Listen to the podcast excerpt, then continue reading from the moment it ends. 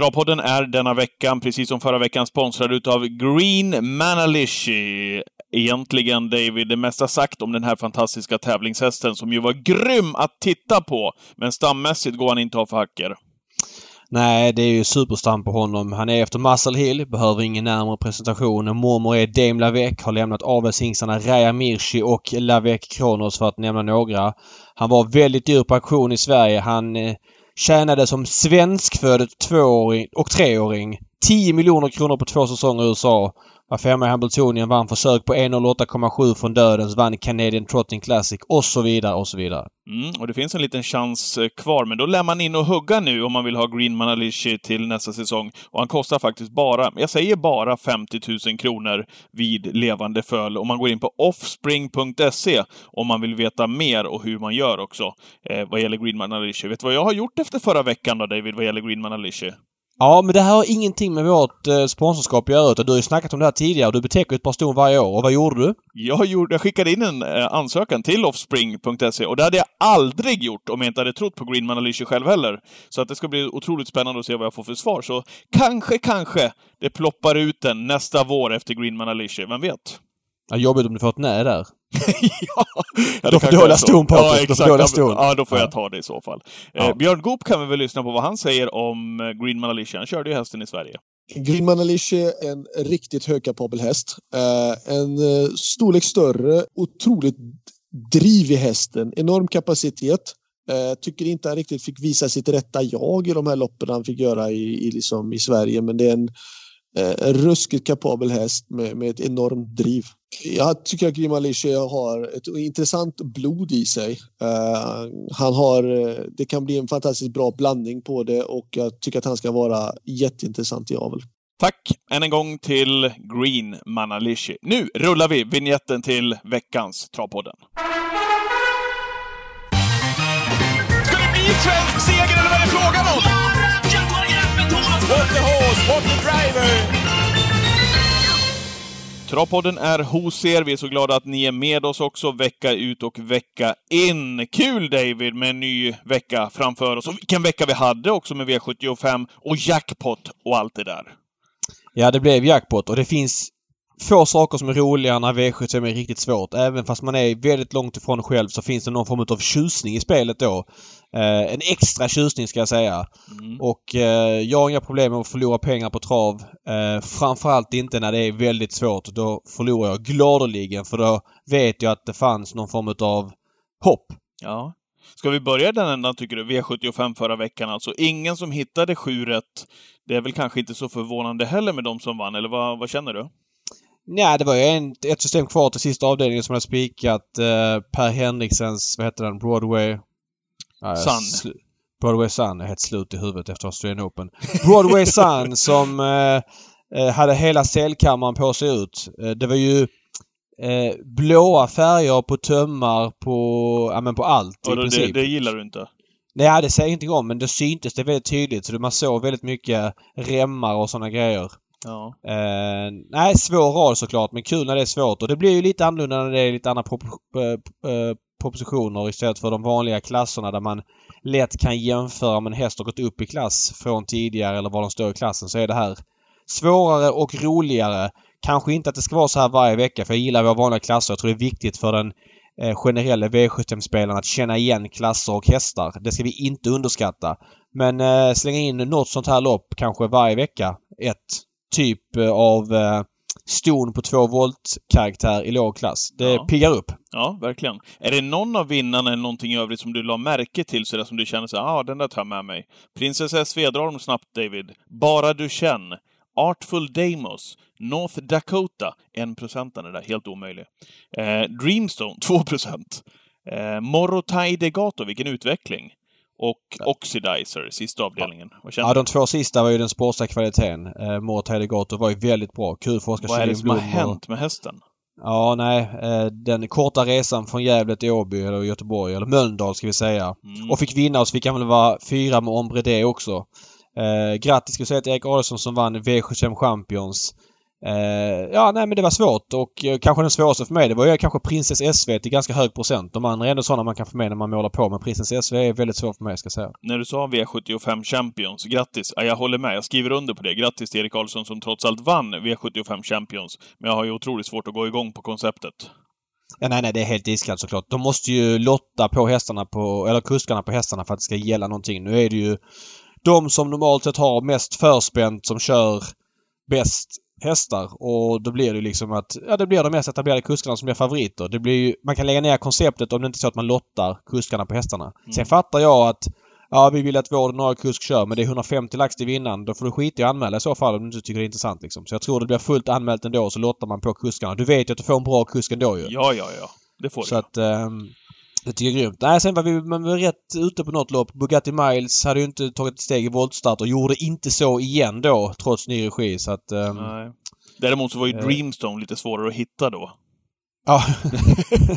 ja, exakt. Det gäller inte bara att fälla favoriterna. Det gäller att ha de som vinner också. Exakt. Det Eh, är... ja, men kul med hög utdelning. Det piggade verkligen upp igen. Mm. Det har varit bra, bra trend på V75 sista 3-4 månaderna. Skitkul. Ja. En som inte var på plats på V75 Champions var Björn Guppe. Eh, han var på plats i Frankrike istället. Eh, och det är klart, Facetime Bourbon, han gick på pumpen nu i Prix de France. Och den största snackisen efteråt är ju då att ägaren, eh, majoritetsägaren, ska vi väl säga, eh, eventuellt nobbar Goop nu då. När den här podden kommer ut så kanske det där redan beslutet är taget, men eh, majoritetsägaren där, Antonio Somma, har ju gett uttryck för att eh, Björn Goop kanske inte kör hästen framöver. Vad, vad tänker du kring Björn Goop-gate?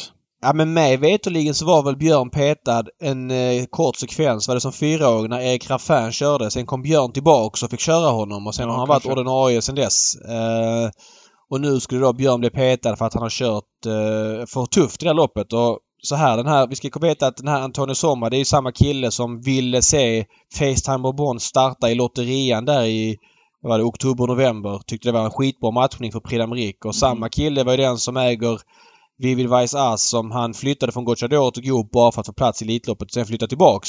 Det verkar vara en väldigt speciell herre och han äger hästen och han bestämmer vad han vill göra med sin häst. Men då har jag också åsikten att tycka till om vad han håller på med och eh, att skylla den här eh, styrningen på björnen när en skygglapp trillar ner. Då har man väldigt begränsade kunskaper om trav. Det är inte så att Björn självmant kör 07 i backen. Men eh, ja, han har starka åsikter och sådär. Då får man bara gilla läget. Björn har kört offensivt med hästen men jag tror att det är så de vill ha det också.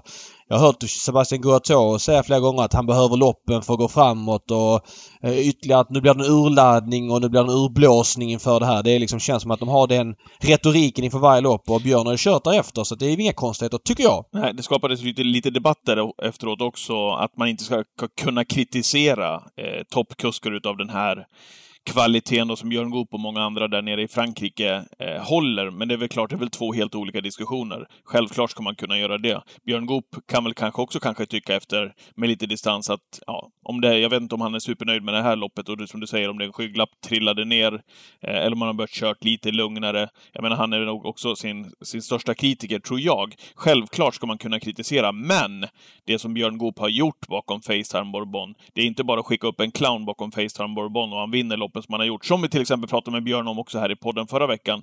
Eh, så rätt som han har kommit på det till exempel i alla starter inför Prix d'Amérique, i, i omstarterna och allt det där. Eh, och levererar ju varje gång i stort sett bakom Facetime Bourbon. Att han inte ska få köra framöver, eh, det är ju rena lalleriet om du frågar mig.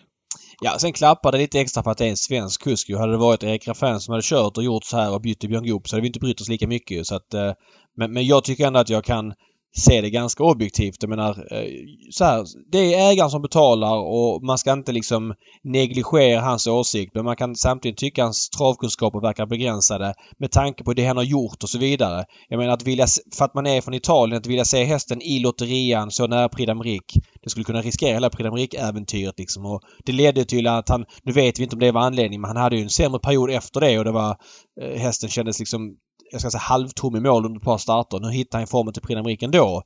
Men eh, att vilja starta på Aga den stenhårda Agano-banan så, så, så nära inpå Prix eh, med två hit samma dag. Det tycker jag är otroligt märkligt. Ja.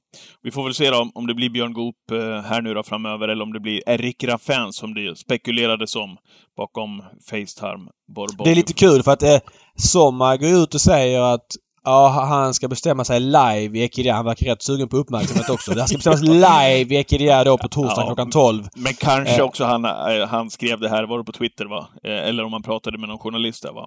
Eh, I affekt. Jo, absolut. Men eh, samtidigt säger Raffin att han har fått frågan att han har tackat ja. Menar, och Somma säger då att han inte har frågat någon annan att det var bullshit och kanske, kanske han hade frågat Raffin men Raffin var ute och snackade i media och erkände att han hade fått frågan så då ändrade han sig tillbaks till Goop igen för att Raffin hade sagt att han hade fått frågan. Jag vet inte, det känns som en lite konstig cirkus. Björn, jag, jag tror inte han ligger sömnlös över det här. Han har kört och vunnit två Prix med den här hästen. Mm. Skulle han bli petad så, ja, tråkigt såklart men eh, liksom livet fortsätter. Och eh, det gör det ju för alla travintresserade också. Alla längtar efter för att gå på trav igen. Vi hade Anders Malmrot hos oss här i podden för någon vecka sedan. Vi pratade lite Elitloppet, vi pratade mycket kring det här med publiken och så vidare. Det har väl öppnats upp lite grann nu kanske, kan man tyda i alla fall, eh, vad gäller den senaste presskonferensen. Jag vet att du säger David att äh, jag orkar inte lyssna på det där något mer nu, utan det får komma några klara besked innan man vågar tro och hoppas någonting. Men jag tycker att det öppnar upp, öppnar upp sig lite grann i alla fall. Det låter så för lite större arenor och där är väl Solvalla och Elitloppet i allra högsta grad aktuell, såklart. Eh, och apropå den helgen, eh, du ville ta något ord där om Sweden Cup och Harpers. Berätta. Mm, det har kommit lite nyheter de här dagarna. Eh, man höjer första priset till Harper Hanovers lopp till en miljon kronor. Det var ju 900 000 2018 och 2019. Förra året sänkte man till 500 000 på tanke på coronan för att det var få fransmän som kunde komma ändå. Eh, men, näst, men i år då höjer man till en miljon kronor och det tycker jag är kul. Harpers är väl efter Elitloppet det roligaste loppet den helgen. Det är ju kanske den roligaste dagens dubbel på hela året och det gör ju att vi får de här franska hästarna där bak som vi vill se ta 60 meter eller 40 meter på bra svenska stereos eller helt okej svenska stereos. Eh, det här är en sån grej som kan göra att folk vill komma extra till Solvalla, betala en trebiljett att se kanske ja, någon fransk kanon som inte passar över kort distans. Att se dem över 3 och 1 istället och tävla om en miljon kronor. Det är Eh, superläckert. Ja men det är en game changer. Ja. Eh, man betalar ju inte en miljon för att för att se någon på start. Eh, ah. Nej. nu, nu, nu ska inte, du ska inte säga det här, men exempelvis Phoenix Photo som är en häst som skulle kunna vara start. Nu har han på mellanvolten för han har tjänat mycket pengar men som är en jättebra häst som skulle kunna göra sig bra gällande och kan ja, men säga så här, en bra starthäst som kan springa ja men 13,5 från start liksom. Skitkul. Phoenix Photo fick sig en släng. Nej men det var inte meningen så. Jag, han är grym Phoenix Photo. Men den typen av häst menar jag liksom. Ja. Eh, För den hästen spelar ingen roll utan det är ju för att få de här franska hästarna att stå framförallt med 40 meters tid. Eller någon fransk häst i mellanklass kan man också tänka sig vill komma nu. Så att eh, Harpers får eh, prispengar som de förtjänar. ja. Ja, Däremot klart. Mm. så beslutar man, eller kom det idag nyheten att man steker Sweden Cup. Anders Malmroth säger eh, med tre och en halv månad kvar till Elitloppshelgen att eh, jag kan inte hitta, eller det är svårt att, att tänka sig 21 bra hästar för Sweden Cup. Um, ja men det kan jag lite grann förstå.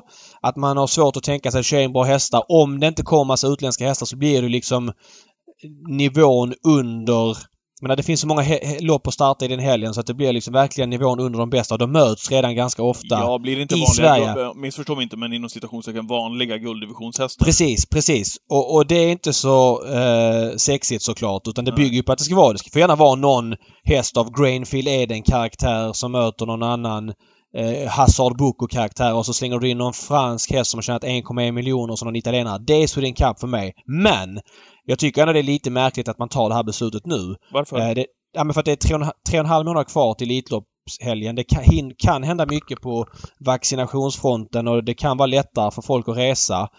Sweden Cup är inget lopp du riktigt matchar mot utan men alltså, man, man kunde tagit det här beslutet kanske i mitten på april eh, och sett hur läget är då. Eh, nu ska Ja. man byta ut Sweden Cup då mot ett ett lopp eh, över 609 meter eh, för hästarna som är precis under Elitloppet.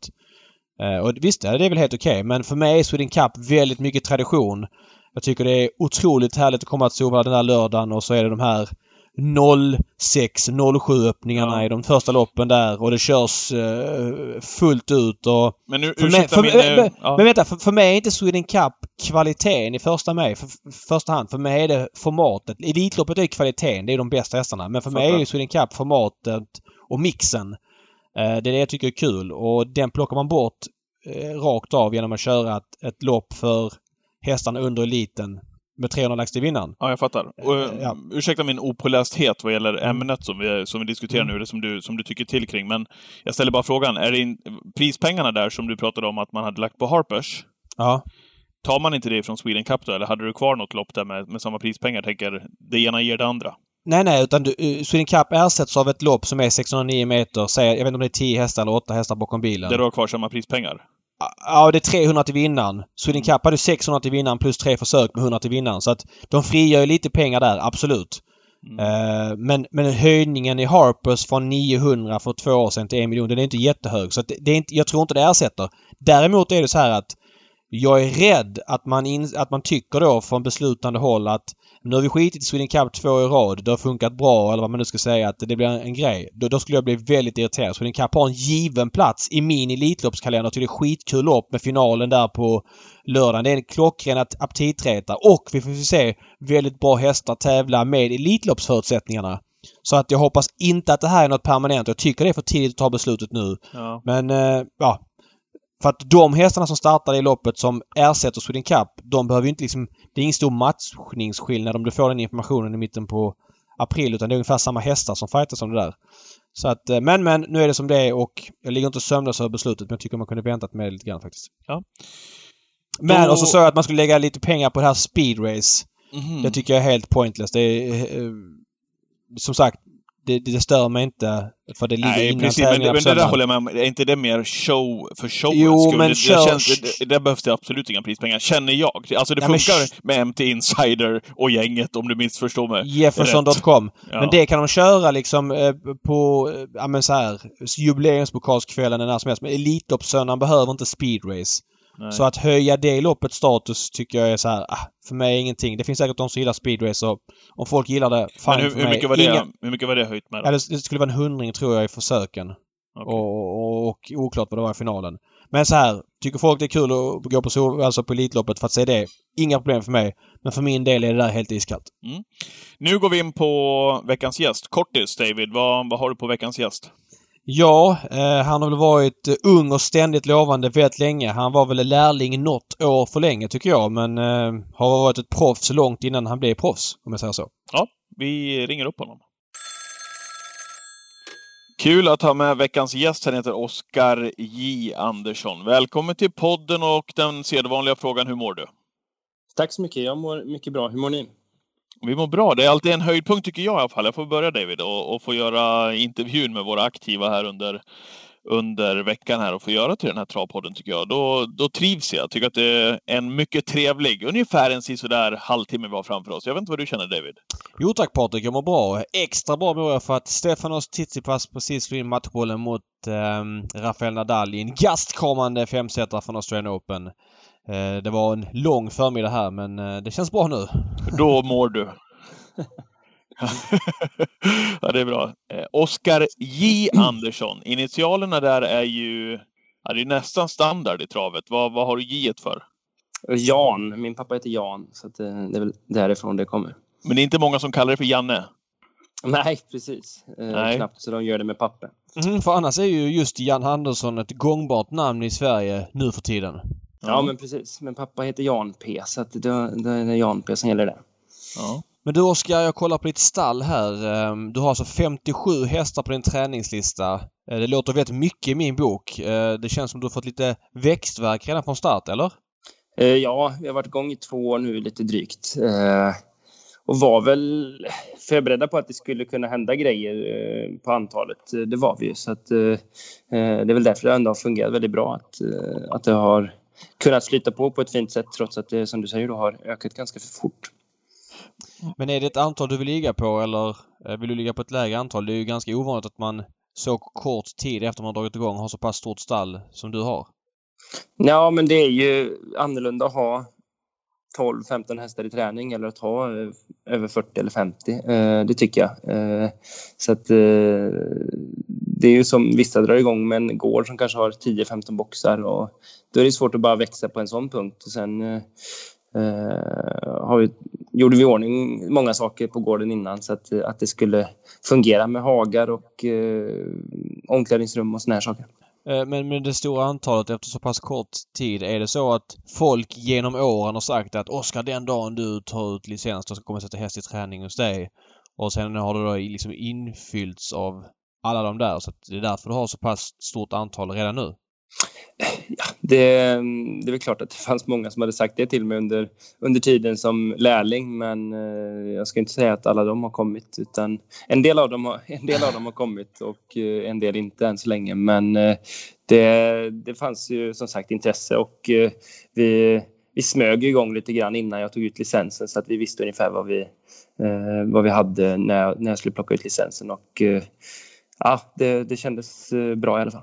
Jag kan ju tänka mig att det har kommit en och annan lirare så här typ Bondici i Elitloppshelgen. Oskar! När du blir tränare då ska jag ha häst hos dig liksom. Att det är ett vanligt förekommande sätt att eh, typ ragga tips på att vara sådär generös från start. Ja, men det, det är öv- överraskande kan jag säga att vissa faktiskt kommer efter, efter en tid men att de har dykt upp även sådana.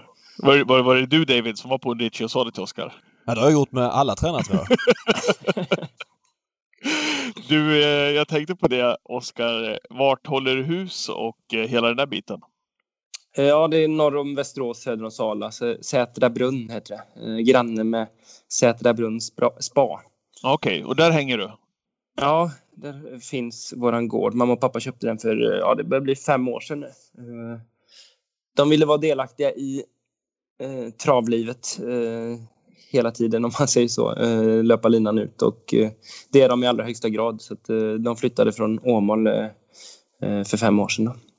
Det är ju skoj för det ploppar ju upp tränare faktiskt lite eh, titt som tätt nu, vilket är roligt att, att inte alla bara ka- eh, kastar sig över catch driver-yrket, utan många vill ju också träna häst. Vilket är roligt och vi har pratat med några i, det, i den här podden också. Vad är det som gör att man ska sätta häst i träning hos Oskar J. Andersson som du ser det för dagen? Oj, ja det, det kan man ju säga på många olika sätt, men det... Vi är ju väldigt måna om att, eh, att det ska bli en väldigt bra fungerande organisation och eh, tycker att vi har lyckats med det. Vi hade det som plan från början och eh, förberedde oss med den delen. Så att hästägarna ska trivas, hästarna ska trivas och personalen ska trivas. Och jag tycker att det har lyckats. Eh, Vi har fantastiskt bra personal som sätter hästarna främst och som har både erfarenhet och kunskap att eh, jag behöver inte vara med och peta i allting utan de, de ser och vet om det är någonting som jag behöver ta del av och de, de är uppmärksamma och eh, sen har vi ju Spante då som är en del av teamet eh, på, på Oj, dig, Det mediala. jag ingen aning om. Ja, precis. Han, Jaha då, så vad, vad gör han hos dig? Han jobbar med eh, en hel del med eh, sociala medier framför allt och eh, hoppas att vi ska utveckla eller utöka den biten lite till här framöver. Det, det är tid och pengar som är en baksida med allting tänkte jag säga. Men Ja. det är för att ägarna ska få en större del i, i hästarnas vardag hoppas jag framöver.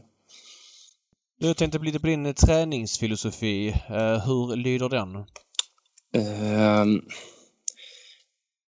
jag vill ha starka hästar, jag vill ha förberedda hästar.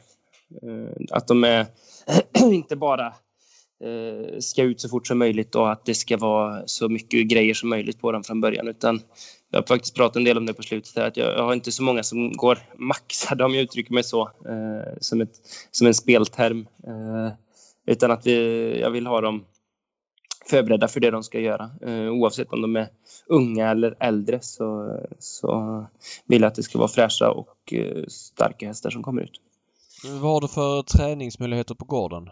Eh, jag kör ganska mycket tryckvagn, eller vi. Eh, för att det är ganska platt här i trakterna. Eh, visst finns det lite uppför och nerför men inte, inte några väggar om jag säger så. Och eh, vi har en 750 meters rakbana, eh, en 1400 meters rundbana och eh, sen har jag ett par olika alternativ eh, med en 800 meters rakbana och sen håller vi på att göra i ordning en annan bana. För att det, det är ju så, de, de beter sig olika banorna med olika underlag och eh, beroende på väder och vind och, och eh, vinter och sommar och vi vill ha så bra underlag som möjligt där vi tränar så att det är väldigt bra att vi har lite olika valmöjligheter. Mm. Du jobbar ju väldigt länge hos eh, Jörgen Westholm och förknippas fortfarande mycket med hans verksamhet tycker jag. Eh, han har ju väldigt långa karriärer på sina hästar och jag gillar det. Hur tänker du runt det?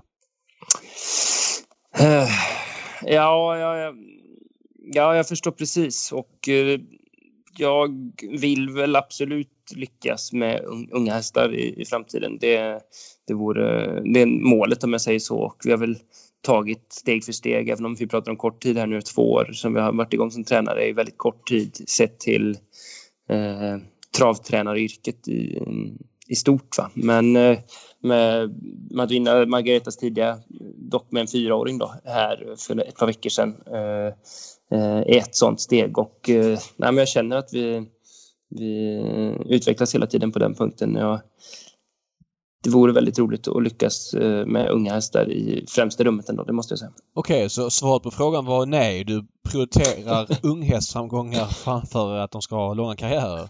Nej, men det är ju alltså det behöver inte alltid vara så, så svart, eller, svart eller vitt. Mm. Det tror inte jag i alla fall. Eh, utan det, jag tror att det, väl, det absolut viktigaste det är att uh, titta på individen och se, vart, se vad som är bäst för den hästen. Eh, uh, tränar inte mina unga hästar likadant eh, och jag tränar inte mina äldre hästar likadant. Så det är ju, det är ju, man kan ha en grund i sin filosofi men uh, vi jobbar helt klart individuellt. Och det, då, då kan man ju se att den hästen kanske har bättre förutsättningar att lyckas tidigt och den hästen borde ha en, eh, ja, ha en längre startsträcka om jag uttrycker mig så. Då.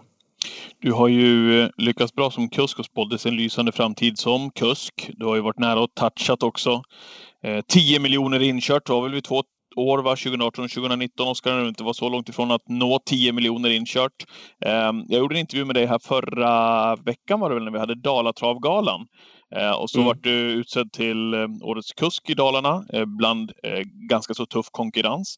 Men du var ganska så tidig även i den intervjun och säga att ja, men det är inte kanske det viktigaste och det primära utan det är min träningsverksamhet som jag lägger mycket fokus på. Hur tänker du där?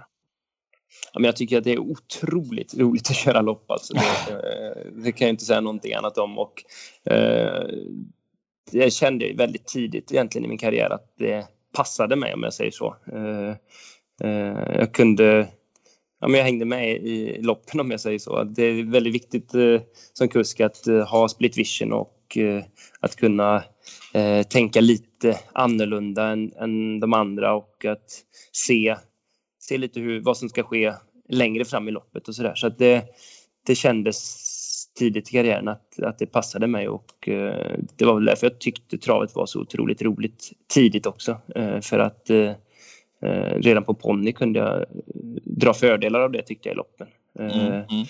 Och det var det som gjorde att eh, jag satsade på, på travet helhjärtat. Jag hade ju andra intressen också men, men det var travet som, den tävlingsbiten var absolut en av de bidragande orsakerna till att, att jag valde att satsa på det. För att vi tävlar ju faktiskt levande schack brukar jag kunna säga. Det är ju um, drag som ska göras hela tiden men det är ju också motdrag som sker i loppen och det är eh, under en väldigt kort tid men väldigt eh, ja, det är adrenalinpåslag om man säger så. Eh, ja. Där det händer mycket. Så att Ja. Jag hoppar lite med, mellan ämnena här men den här Reedy Lavec som du vann Margareta-loppet med på Valla. Eh, Lavec-uppfödaren Johan Diden, vad är status där? Hur kom du över den? Ja, man ser ju inte Lavec-hästar i samma utsträckning men de dyker upp då och då. Visst la han ner den uppfödningsverksamheten och vilken fin häst det där verkar vara. Jag blev nästan förvånad själv också faktiskt eh, när du säger det. Ehm, och eh, status på hästen är bra. Eh, han fick eh, ta igen sig lite grann efter den här segern. Vi hade siktat hit ganska länge, eh, tagit reda på propositionen till och med eh, innan den fanns ute för att se att, se att den var, såg likadan ut som året innan. Så, att jag inte, så jag visste vad jag siktade mot så att säga. Mm. Och eh, det blev ju verkligen jackpot. Det, mm, det, är inget annat att säga. Så att jag, vi... Mm, okej, okay, okay, men jag tänkte på hästen. Lavec-uppfödning. Han säljer väl inte dem på auktion? Hur kom ni över den här? Uh, vi, mm, från början var det Rolf. Uh, Readley, Rolf och Kirsi. Som ägde Eh. Readly Express, ja. Exakt. Som satte honom i träning eh, tillsammans med en annan häst. Eh, Rolf var för övrigt en av dem som sa just det att eh, när du drar igång då ska jag vara med. Och han höll sitt ord så det var fint.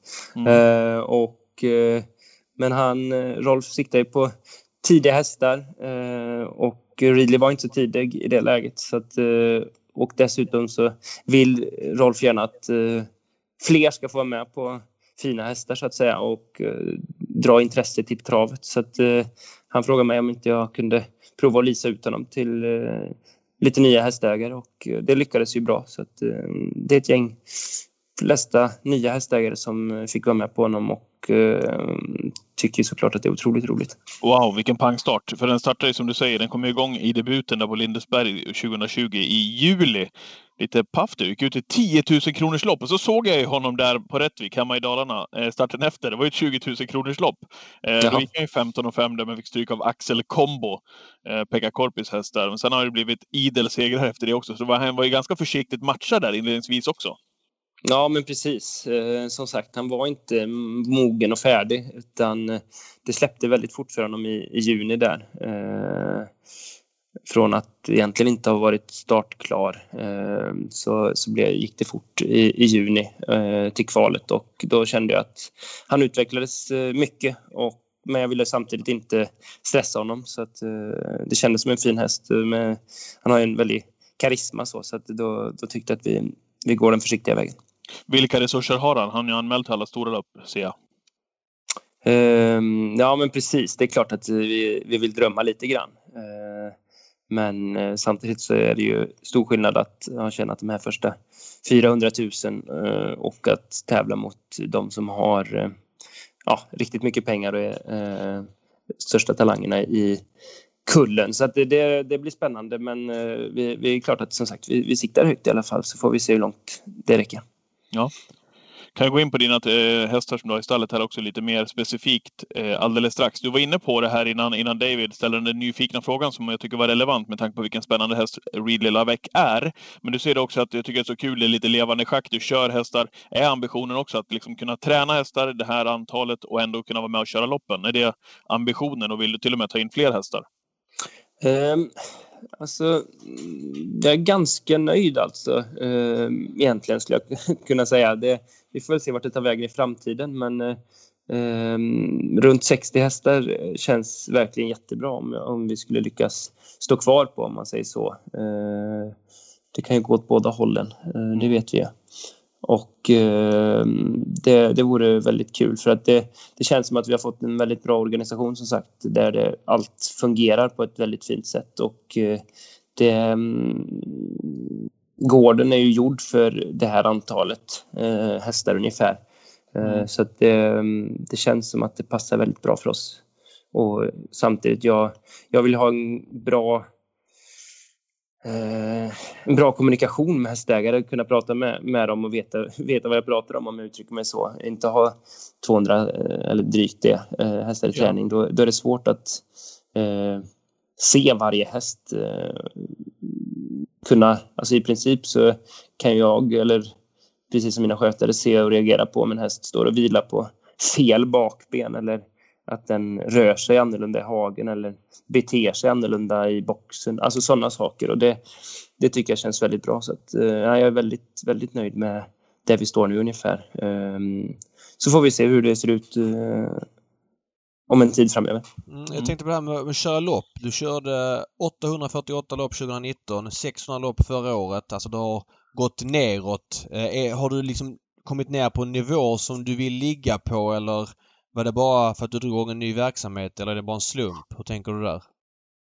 Jag tror jag har en 20, 20 lopp kommande sex dagar eller någonting. Så att det, det, där, det rör sig lite grann hela tiden. Just att det blev färre i fjol eh, är ganska naturligt eh, när jag tog ut, istället för att vara lärling då, köra i princip så mycket jag bara kunde. Eh, 2019 så mm, var jag ju lite mer eh, fokuserad på egna stallet, få det att fungera så bra som möjligt och eh,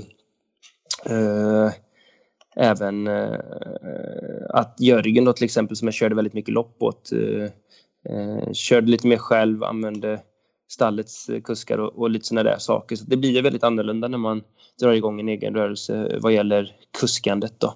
Eh, Ja. Men jag, jag tycker det har växt fram några fina samarbeten istället. Eh, där jag jobbar eh, lite tätare med, med några få. Vilka tänker du Tränare. på då? Ja, men bland annat eh, Jasmine och Patrik då. Mm. Eh, som har en, en eh, fantastisk satsning som de gör då.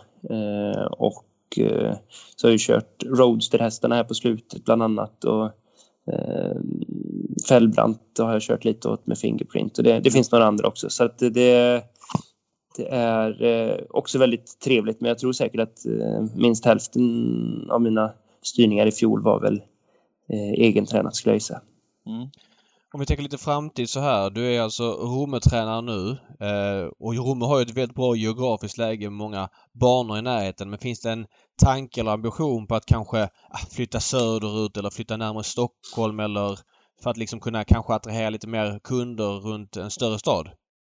Jag förstår hur du tänker, men det, eh, bantillhörighet är väl svårt att, säga, men jag hoppas verkligen att jag, att jag befinner mig på den här gården där vi, där vi eh, finns just nu. Eh, det är ett fantastiskt eh, eh sätt då till natur och eh, förutsättningar. Vi, eh, utöver trä, de, de träningsbanorna vi har och håller på att färdigställa så eh, har vi ridhus också och stallarna är ju eh, väldigt luftiga, fina, stora. Så att, eh, nej, vi har verkligen eh, haft bra förutsättningar när vi flyttade hit och byggt eh, och förbättrat eh, många av de punkterna som vi hade som eh, mål då innan vi flyttade hit. Så att det känns, eh, nej, det känns som att vi, vi har hittat hem det tror jag. Ja, jag fattar, fattar. Romme har ju det här bra läget också så att eh, ja, du är nära till många banor. Spännande när du säger så också, för du, du, du berättar vart du håller till någonstans, men det är från Åmål, är det där rötterna kommer ifrån? Hela, hela faderullan? Ja, men precis. Jag växte upp i Åmål så att eh, eh 800 meters banan med kullen där, där eh, den kullen spenderade jag otaliga timmar på. Med, pappa körde provlopp på, på lördagarna och jag satt och tittade och var med där eh, när jag var liten. Så att eh, det var där det började. Ja, klassiskt ändå. 800 meters banan. Va? Ja, verkligen. Det, Där får man svänga- tänker svänga lite. Ja, nej, men, han- den passade väldigt bra när jag började köra ponny, men jag märkte ju sen när jag körde stor häst. Jag fattade inte vad folk pratade om, varför det skulle vara så himla hemskt med 800 meters banan. Men det är inte så, det är inte så lätt att, att köra på den som på 1000 metersbanan. Det, det kan man ju erkänna. Ja, men det måste vara bra utbildning som kusk också. Du får ju i alla fall lära hästarna trava i en kurva eh, och dra konstant i vänstertömmen om det är vänstervarv. Han dömer ut Åmål, gör han. Nej, som sagt, eh, fantastiskt och idylliskt. Och eh, jag har ju åkt tillbaka flera gånger när de har sina roliga tävlingar. Tävlat högvarv också där. Ja. Otroligt roligt, men det blir ju... ja, det, ja, det gäller ju att passa in hästarna utefter vilka förutsättningar det finns. Jag eh, kommer ihåg, nu glömmer jag namnet bara för det, Trott. Någonting Trott. Otroligt startsnabb eh, häst. Mm. Eh, som egentligen aldrig vann lopp ju. Men på Åmål var han ju stenklar för att han, han spetsade ju och sen så stannade han ju. Han stannade ju efter 100 meter in på upploppet men då var det ju bara 8 meter kvar. Så att, Det var, det var inte Ryan Trott då?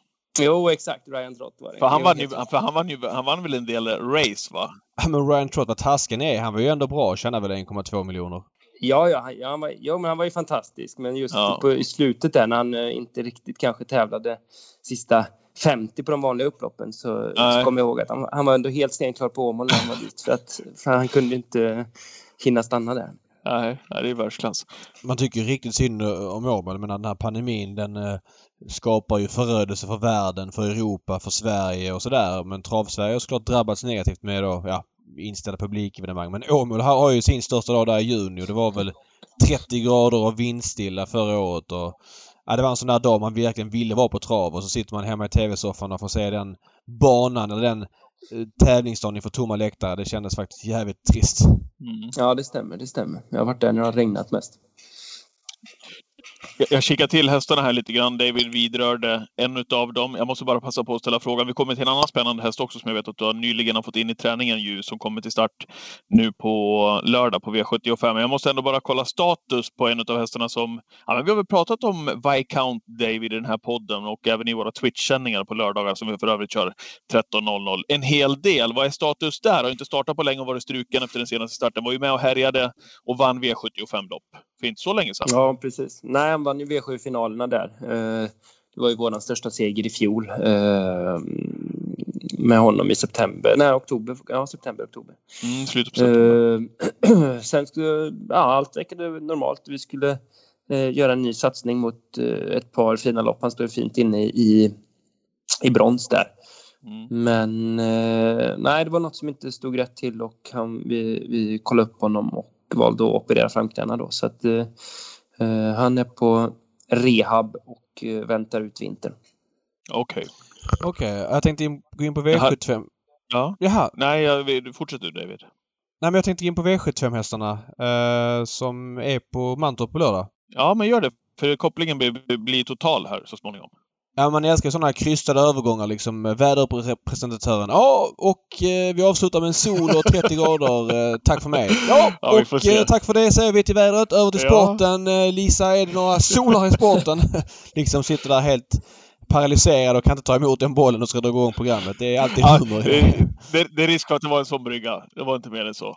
Ja, men vi kör väl helgens hästar. Okej, okay, men vi kör igång då. 50 miljoner i jackpot. Mantorpstravet gäller på lördag. I V752 har stallet ut Tias listas behind bars. Vad säger du där? Uh, ja, men hon gjorde det väldigt fint senast. Uh, hon har ju gjort tre starka lopp för oss egentligen kan jag tycka. Uh, otroligt svårmanövrerad häst kanske jag ska uttrycka mig. Ehm, så att hon... Eh, vi är väldigt nöjda att vi har lyckats, eller Paula ska jag säga, har lyckats till stor del eh, få henne på banan på ett fint sätt och eh, vi segrarna har gjort jättefina lopp och vunnit i princip överlägset och eh, senast gjorde hon en fin start på V75 betydligt tuffare motstånd och gick i princip i dödens hela loppet som, som trea. Så att, nej, hon är duktig. känns som en kapabel häst som kommer att stå sig bra i, i storlopp här framöver framför allt. Okej, mm, okej. Okay, okay. Vad har du för känsla om eh, lördagens uppgift då? Ja, nej, vi ligger eh, bra lågt eh, på grund av bland annat på grund av förutsättningarna också. Ja, det är lite längre mellan starterna så att, eh, skulle gissa på att hon kommer att vara snäppet vassare till nästa start även formmässigt. I V74 kör du själv din egen tränade 1 eh, Luna Nera Rock. Vad säger du om henne? Ja, men spännande. Hon, det är en bra häst i grund och botten och vi lyckades ju få ett jättefint år eh, i fjol. Eh, lyckades med ett av de målen jag hade faktiskt, att, att hon skulle vara i form till eh, eh, eh, eh Maharadja storseriefinal där som hon vann eh, efter klurig resa. Jag tror hon fick varit hängande i tredje spår i 700-800 meter, backade sist och invändigt och mellan hästar och ut i fjärde spår igen och så spurtade hon till seger. Så att Sen har jag haft lite oflyt, eh, galopperat i, i voltstart och inte fungerat riktigt eh, på så vis, men gick jättebra på Solvalla i mini-comeback där eh, för två starter sedan och galopperat i volt igen efter det. Så det kanske är tränaren som har gjort mest fel där som anmält till volt. Eh, så att eh, kul, eh, spännande start, eh, men det har ju blivit lite ja, rumphugget med lopp då kan man väl säga. Eh, så att eh, jag har försökt att få formen så god som möjligt ändå. Hon har känt fin i träning. Så att, eh, lite spännande och intressant start eh, kan jag tycka men ja, outsidern ändå får man väl säga. Va? Jag vill inte sabba ditt minne här men det loppet som hon vann där på Gävle det var ju enkelt från spets. Nej men det var finalen sen när Mats körde. Jaha, okej, okay, okej. Okay. Jag, jag, tänkte fel. Jag kollade fel. Jag spår 12 ja, med Mats där precis. Eh, på, på, också på Gävle ja, fast exakt. i slutet på oktober. Ja, precis. precis. Vilken lång storserie det där var. ja, men de måste ju förbereda sig inför aveln sen. Ja. ja, precis. Jag fattar. Ja, för, för den starten i Gävle när du vann enkelt för spel så gick hon ju i jänkarvagn eh, och vann enkelt då. Och nu är det jänkarvagn igen. Eh, det är ett plus, men hon, som sagt, hon vann inte i det. Hon gick väl inte i det på typ... Eh, hon har inte gått på det jättelänge. Eh, kanske inte sen dess. Nej precis, exakt. Hon har inte gått i jänkarvagn sen den starten. Det var alltså den 31 Eh, juli. Så att eh, ett litet plus, det tror jag att det är. Det var ju även första gången barfota runt om för mig, det vilket inte nu blir såklart. Så att, men ett litet plus, det, det tycker jag att det är. Framförallt när hon fick ja, spetsläge eller ja, åtminstone invändig, invändig resa då blir det ju här. Mm. I V75 har du ganska betrodde fem My Dream Art. Hur är känslan runt eh, den hästen? Eh, god såklart eh, kring hästen. Eh, sen är det ju tuffare motstånd nu och eh, ja, det är väl mer att vi ska loppet eh, får gärna bli kört till vår fördel om jag säger så. Eh, det är väl det som krävs. Eh, eh, men jag tycker inte att han är sämre än någon annan i, i loppet på förhand. Den där hästen är lite speciell ju för att du känner ju honom ja, på dina fem fingrar kan jag tänka mig Oskar. Han var ju i träning hos eh, Jörgen Westholm och du körde den hos Jörgen såklart. Eh, sen var den i träning hos Timo Nurmos och då var du nästan första kusk, eller du var väl första kusk på, på den där Mm. hästen tiden och nu har du fått hästen i träning också. Eh, kommer ifrån de tränarna och senast ifrån Timo Nurmos. Vad har du gjort liksom med just den här hästen för att hålla honom på gott humör och för att få honom att utvecklas ytterligare? För han har ju börjat väldigt bra hos dig.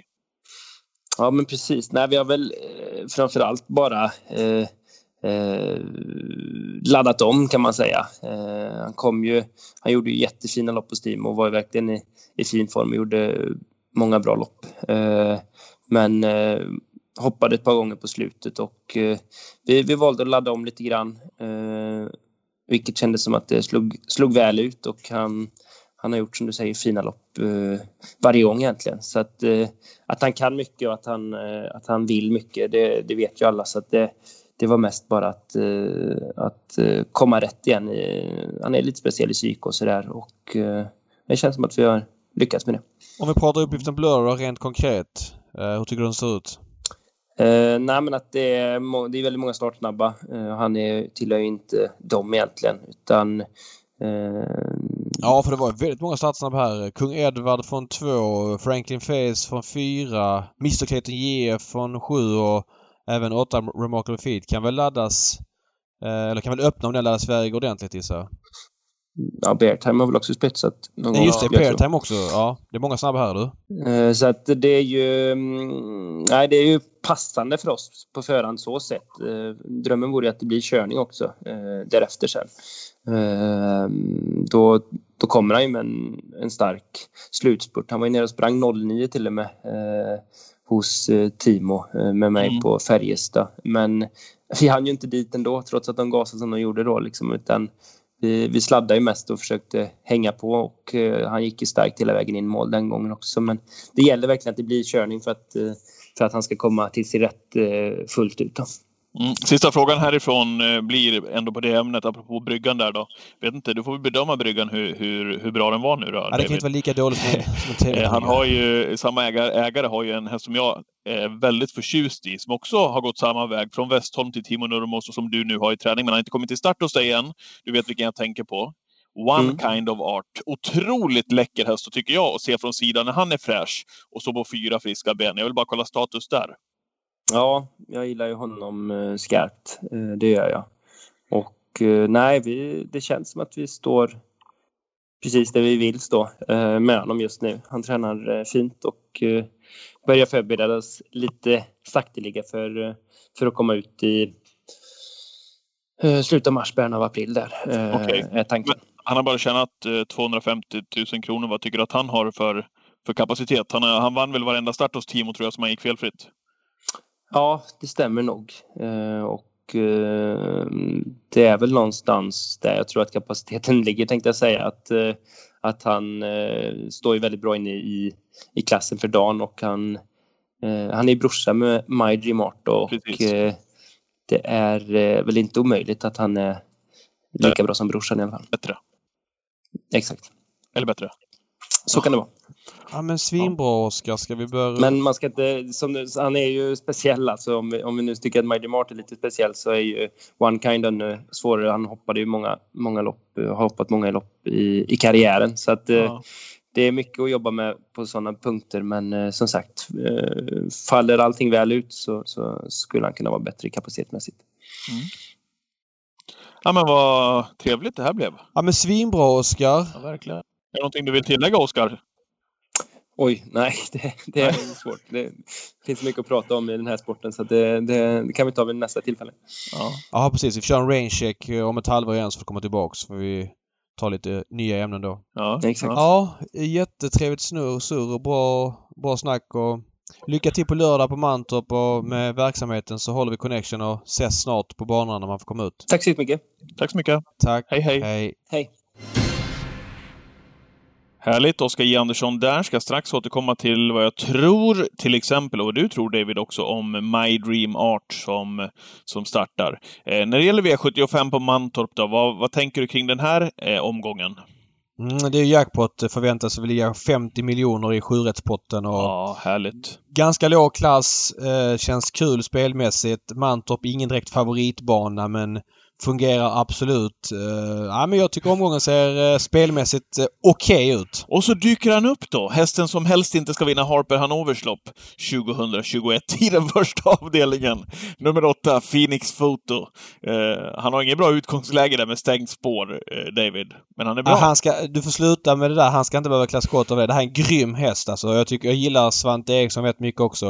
Sympatisk snubbe som bjuder upp sig själv och är duktig travtränare med ett ganska begränsat material. Ja, ja, jag skämtar. Ja, jag, jag skämtar också när jag sa det innan. Jag vill verkligen inte liksom att det ska, man ska tro det. Eh, han är favorit, ja. Nej, men det känns väl som att det blir eh, tufft att ta sig ut härifrån, va? Ja, ja, ja, men det känns ju som det. Du, du, du dissade ju honom senast, då var det ju bakspår, men då körde han ju fram liksom och bara mosade till dem innan det var klart ju. Ja, dålig analys av mig där faktiskt. Eh, jag är inte jättepåläst ännu ska jag säga. Eh, men jag har väl såklart koll. Mm. Eh, ja, men ingen riktigt tydlig idé här spontant. Vad gillar du? Ja, jag tycker också att det är lite små uh, lurigt. Gillar ju Sweetman faktiskt, men nu är det ju vanlig vagn igen. Han har gått med bike de senaste starterna. Det har varit, eh, det har varit bilstart. Nu är det voltstart och femte. Ingen höjdare såklart. Minnestads Ecuador. Eh, tidig för min del. Eh, blir sträckan någonstans runt 10 procent. Jag, jag gillar den hästen överhuvudtaget. Men en lite småknepig inledning där ju Kihlström ändå måste lösa biffen med Phoenix Foto. Så är det ju från det där läget i alla fall. Ja. eh, känner, du, känner du liksom att du vill, vill titta igenom varje avdelning eller, eller känner du mer att du vill ta ett större Nej, grepp? men, ja, men vi kan köra så här bara kort. Vi behöver inte köra Ja. någon, någon, någon, djupdykning liksom. Nej, okej. V75s andra avdelning eh, är ju desto mer eh, öppet. Ja, det, det är öppet här också. Favoriten just nu, Zac Bris på 24 procent. Erik Karlsson får blicka 6 över 1640 meter volt, eh, autostart, ska jag säga. Mm. Vad, vad tror vi om den här då? Ja, jag gillar ju Harvard Student väldigt mycket som häst och nu är det ju väldigt låg omsättning än så länge men under 10 känns väl lite halvkul. Mm. De är duktiga, eh, Magnus Järnemyr och Linda Säfström. Tycker de eh, förbättrar många hästar och tycker hästarna ser fina ut och nej. Nej. eh, De har ett, verkar ha ett lyckat koncept. Apropå Oskar Kjellin Blom som hade Morotai Degato som vi nämnde tidigare. Han tränar ju Zac Bris här också. Verkar ha fått väldigt snurr på stallet och hästarna ser framförallt otroligt fina ut när de kommer ut. Det är Den reflektionen gör jag. Eh, Cassius Ima, eh, som ska ut på med biken igen sedan tidigare. 8% ganska så passande förutsättningar den här gången tycker jag. Eh, med ett bra utgångsläge, så jag nämner den tidigt. Men håller med dig, Harvard Student, väldigt fin häst att titta på det också. V75s tredje avdelning då. Eh, Stefan Melanders Disco Volante, V75 följetongen, blir omgångens mest spelade häst. Eh, utan pardon. Mm. Nej, men här kommer jag spika West Wing på allt. Härligt! Oskar Jensson. Vi glömde fråga Oskar om West Wing. Nej, det gjorde vi inte. Jag sket Jag frågade för att eh, han har inte kört honom på... Jag vet inte om han har kört honom någon gång. Det har han säkert gjort, men det var länge sedan i alla fall. Ja. Eh, och då fanns det liksom Inget ont om West Wing, han har sprungit in 2,7 Nej, miljoner. det är klart man ska Man får skämta lite grann. Det är Ja, bra att han är det får 13 år nu och mest hänger med. Det var väl mest Mm. det. Jag kunde sagt high speed call också. Jag ville chocka dig. Jaha, Eh, men jag, jag var ja, med men- på den. Ja, nej men det är klart att Disco har en jättechans. Även om det är 2-1 eh, och sådär så har han ju visat att han är i form, att han klarar det och det här är ett... Det är ett lökigt gäng han möter. Det måste ju vara- Knight brodde upp nu i, i guld också. Ja, så är det och det kan väl vara spännande och, och Zenit Brick gick ganska bra för Erik senast. Jag tror den vinner med lite mer klaff där faktiskt. Eh, Zenit Brick. Men som sagt, spår 12 mot Disco som, som har framspår. Det, är- ja, det här blir en vattendelare. Blir han 70% så får man ju hoppas på, på jordbävning eller någonting. Men, men annars, ja. Eh, alla förstår nog att han har en bra chans. Man får väl känna efter procenten själv. Fjärde avdelningen, stor favorit blir nummer tre, Kolmi Brodda. Jag säger syn på henne, även om hon möter ston eh, perfekta förutsättningar för hennes del med 1600 meter och bil. Hon gick ju en kanontid här för några starter sen på Kalmar. Men eh, Ah, jag, vill ändå, jag vill ändå ha med några stycken i det här loppet för att hon blir för stor favorit även om hon går ner i klass. Det kan man väl ändå säga att hon gör, David. Hon var ju ute mot Gardner Shaw Mass Capacity de här senaste och nu som sagt bara ston. 15, 16, 17, 18. Hon har en seger på de 18 senaste. Ja, det är det jag menar. Hon blir stor Eh, favorit dessutom. Hon blir stor favorit och hon vinner inte ihjäl sig även om Mantorp med kort upplopp och så Ser du vidare. vem som har nio? Ja, Bansky. Jaha. Nej, den, ja, nej men jag, jag betalar för den som halvskall senast men känns inte som att... Är det, är det eh, färdigbetalat? Ja, men det gjorde jag ju för att den var lågspelad och trodde att bakifrån kunde vara en grej. För den gick ju ett försök till storderbyt ganska bra bakifrån men hon är ju fruktansvärt ovillig sista biten. Eh, och Det, det, det är bättre hästar. färdigbetalat. Ja, det är det. Hon möter bättre hästar än vad hon har mött på, Ja. på slutet så att eh, det får vara så. Okej. Femton- Beluga West, kan det inte vara dags för henne? Eh, hon Absolut. är anmäld med jänkarvagn också säger jag. Mm. Eh, det känns väl ganska intressant. Ja. Tycker jag. Appaloosa också, men den är väl lite mer spelad. ja, den gillar man. Mhm. Femte avdelningen så har du... Ja, ni nämnde ju det. Apropå My Dream Art då, att det är ju ett gäng eh, rätt snabba hästar i, i loppet här. Även om Mm. jag tror att några av dem föredrar kortdistans då. Om de ska trycka Ja, så. men så är det. Eh, och då fick jag ändå typ en sån startkatapult som Dom Perignon fick spår 12, eller startsnabb ska jag säga. Ja, jo men det Eh, nej, inte någon, någon riktig så spontan eh, Jaguar Dream. Han kan väl knappast hålla upp från innan i min känsla utan att ha gått igenom det för mycket. Det känns inte så troligt va. Mantorp är väl spår ett ganska dåligt. Eh, med väldigt startsnabba Kung Edward utvändigt och Franklin Face ytterligare tajka ut. Jag vet inte, kan det inte vara dags för Franklin Face? Kan inte den komma till spets här? Kan det inte vara dags Kung- för, kan det inte vara dags för fem då? Även om han Eh, senast. Men ja, alltså, men, men, Franklin Face V75. var, var, var bra i finalerna senast och Mm. Kung Edvard spetsar. Erik har ju kört Franklin Face. Han vet att han är bra. Släpper till den. Franklin Face i ledningen. Sen händer inte så mycket och med Mantorps korta upplopp så rinner den undan. Den har ändå varit ute mot ganska bra hästar vet många gånger och slagit flera bra hästar. Helt enig. Eh, däremot så hoppas jag att Oskar trillar ner i ett bra läge med My Dream Art. Och blir det bara tempo på det här loppet så tror jag att Oskar, han har eh, verkligen gjort ett bra jobb med My Dream Art där. Det är inte så lätt när de kommer ifrån Nurmos och liksom de har... Man kan väl ändå tro att han har plockat ur mycket ur dem ändå. Mm, nej men såklart. Det är jätteimponerande jobb. Jag tar med den tidigt i alla fall. Eh, sjätte avdelningen, då är det diamantstoet över lite olika volter. Det gillar du när du får tänka till lite extra. Ja men det tycker jag är kul. Det är hög svårighetsfaktor med lite galopprisker på hästar och det finns andra slumpmoment som gör travspelet svårare. Du har ju. Princess SV med igen nu från 40. Nu har hon ett Mm. eh, sällskap på 40 då, men... Ja, får hon det kört på läppen som hon fick senast, ja, då kan hon väl vinna men eh, nu blir hon ju helt plötsligt favorit. Ja, jag tycker hon har varit... Jag, jag har betalt mycket för henne men eh, hon kan, kan inte göra mycket i loppen. Det ska vara på läppen. Visst, men då har hon ju å andra sidan en väldigt bra avslutning. Är jag kall om jag fortsätter att tjata om Fantasia Sisu, så tycker du? Nej, det tycker jag inte. 3, 3 procent. Möter väl också lite enklare om hon, får, om hon får det på läppen. Ja, nej, absolut. Jag gillar henne i alla fall. Sjunde avdelningen då, eh, ganska så svårlöst där också. Maestro Crow, den kapable hästen som Johan Mm. Untersteiner numera har, kommer ju med två raka segrar. Den här har du följt David. Eh, Styrkan finns ju där, men den är inte alldeles att lita på. Speciell är han ju. Ja, spår 1 är ju helt iskallt för den här hästen så att han kommer bli över därifrån och sen så får vi väl se vad som händer. Det är inget att hålla i handen. Jag vet inte, jag får känslan av att Jama Toma kan komma till spets här. Joey Ja, Boko spetsar i första skedet. Bike på, ja, på exakt. Jama Toma tar över och uh, stannar väl kanske där en bit. Adrian lär ju testa också med Don Cash. Mm. Ehm, ja, det var väl den eh, spontana tecken på det loppet. Bravo Ja. Santana gillar jag som häst rätt mycket. Ja. Det ska bli kul att gå igenom Twitchen på lördag 13.00. Då kör vi precis som vanligt. Bygger streamsystem tillsammans med eh, gänget som är med där inne varje, varje lördag. Ja, Mycket småputtrigt. mycket puttrigt. Okej, vi kör den här punkten nu.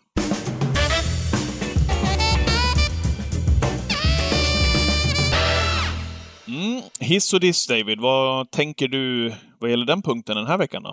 Ja, vad skulle jag hissa nu? Jag glömde bort det innan. Claes Sjöström nämnde du. Så var det. Jag måste säga det. Claes Sjöström har fått ganska många eh, mycket bättre styrningar. Framförallt tänker jag på Antonio Trott som han vann V75-finalerna med. Eh, det är en kille som liksom är snäppet under. Jag börjar bli orolig över dig, David. Du glömmer saker. Ja, jag vet. Men det är för att jag har sovit otroligt lite sista veck veckorna med Australian Open här. Jag är helt slut i huvudet. Ja. Men eh, Claes Sjöström, jag måste säga det. Han, är, han kör ganska begränsade hästar. Han är snäppet under de bästa. Men jag tycker när han får chansen att köra bra hästar att han gör det påfallande ofta bra. Eh, Antonio Trott körde han bra. Jag, jag tyckte han körde bra gånger innan också. Det var bara otur att han inte fick ut någon häst framför sig. För han ville få ut Örjan när han liksom gick på tidigt. Men då satt Örjan kvar och drog han i Svartepetter och fick gå först i tredje. Jag kollar lite sen- stats här på Klas. Ja, men sen gillar jag också han körde Twinkle Face eh, igår på Gävle. Eh, spår två, det är lätt att liksom hoppa in i någon spetsstrid där för att alla är ju väldigt sugna på ledningen. Men han tog det lugnt. Han vet att hästen är bäst bakifrån. Jäklar Och, vilken fin häst det där är. ja, eh, hon är lite speciell känns som. Men Mm. jag, jag gillar Klas körhänder. Jag tycker att ja, men han har kört mycket. Det är mycket Visby och mycket liksom dåliga hästar. Men eh, lite underskattad faktiskt. Eh, tycker han har gjort det bra med flera. Även Jaguar ehm, Dream heter den va? Ja. eh, som han själv tränar då. Eh, gav han verkligen chansen senast. Så att eh, jag lyfter fram Claes Sjöström. Jag tycker att han har kört väldigt bra på slutet och eh, borde väl vara värd eh, bättre styrningar. Det är lätt att säga för då måste man ju ta bort någon annan som då vars styrningar han ska ta. Eh, men jag menar om de här mest etablerade som kör på V75 varje vecka, typ Örjan, Erik, Jeppsson, Ish. Om någon sån är ordinarie på en häst och inte kan så borde väl Claes kunna vara ett namn där bakom. Kanske. Han kör Jaguar Dream, blir favorit på V75 eh, nu på lördag ifrån innerspår. Då får han få se vad han eh, hittar på därifrån. I det där loppet där det är så många som kan öppna. Mm. Eh, ja, jag, jag skriver under på, på din hiss den här veckan, David. Får se om du skriver under på min diss då. Ja. Du vet inte vad jag ska prata om riktigt än. Nej. Det är spännande. Eh, jag, kan, jag ska börja med att säga att jag, jag har långt ifrån haft rätt uttal på alla hästar när jag har reffat eller varit programledare och så vidare och så vidare. Den saken är klar. Vi, vi börjar med det. Men! Jag tycker att det ligger ett ansvar på alla som jobbar med etermedia överhuvudtaget. Radio, TV, eller om man kanske är speaker eller referent på någon travbana. Att åtminstone försöka ta reda på vad hästen heter. Jag tycker nästan det är nonchalant när man liksom hör emellanåt det bara det känns som att man öppnar programmet precis där och då och kastar ur sig någonting. Visst, ibland kan det vara krångligt med någon uppfödare som hittar på någonting och det kan vara svårt att lista ut vad det kan vara. Men ofta så går det att ta reda på, eller gå in på Google Translate och lyssna hur det ska uttalas framför allt. Vad, vad, vad tänker du kring det, eh, till att börja med? Nej, jag håller med. Jag tycker det är för slappt överlag. Man måste kunna... Och det, och det gäller väl oss också när vi sitter här i podden, liksom, att, att Ja, liksom ja. vara Nej, nej. Ja, men det, det någorlunda måste man, pålästa. Och man har säkert förbättringspotential där själva. Ja, Absolut. så, så är det.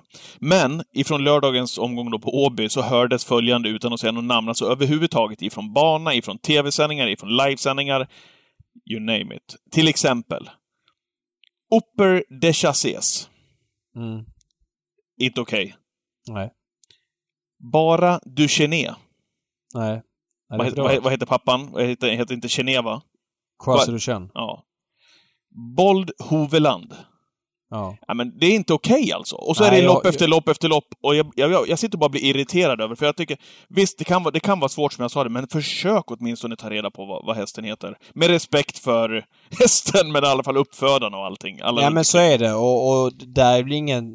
Behöver inte sticka under stol med att Hultman bär ett stort ansvar. Han är ju, tycker jag, väldigt dålig på att uttala namn överlag. Och då vill jag säga det att jag har största respekt för Hultman. Jag tycker att han har... Nu var det inte Hultman jag syftade på här. Nej men det vänta, var- jag, jag, jag gör det nu. En av våra bästa tränare. Han är grym. Jag tycker han funkar skitbra i TV. Han har en enorm kunskap. Men just när det gäller uttalsbiten så borde man kunna anstränga sig lite mer för att liksom få till det rätt. För det blir inte alltid eh, bra. Och jag har säkert sagt fler namn fel i TV. Men, men jag håller med dig. Det är lite provocerande ibland. Precis som att man inte har ansträngt sig. Precis som att man liksom inte riktigt orkar. Ja, nu var det re, det är liksom rent generellt överhuvudtaget. Jag Att fattar man, det och ja, jag håller med dig. Ja. man, man kan lägga ner sig lite för... Ja, det blir trevligt. Sen är, sen är det säkert många som tycker att det, det spelar väl ingen roll. Man fattar ju vem de menar och hit och dit. Men ja, det är min uppfattning i alla fall. Så att alla som håller på med etermedia, försök att ta reda på vad hästen heter i alla fall. Det blir mycket trevligare. Helt rätt. Yes! Vill du säga någonting mer innan vi drar igen blixtlåset för den här? Nej, jag tycker vi Gången. kan göra det och så ses vi 13.00 på Twitch på lördag i Gambling Cabin. Ja, vi supertaggade veckans- då, David! Ja, det får vi Supertaggade får vi vara. Sådär äckligt jackpot pålästa. Eh, sov gott då, fram till dess. Ja, tack detsamma. Vi hörs. Och ni där ute också. Bra! Hej, hej! Hej!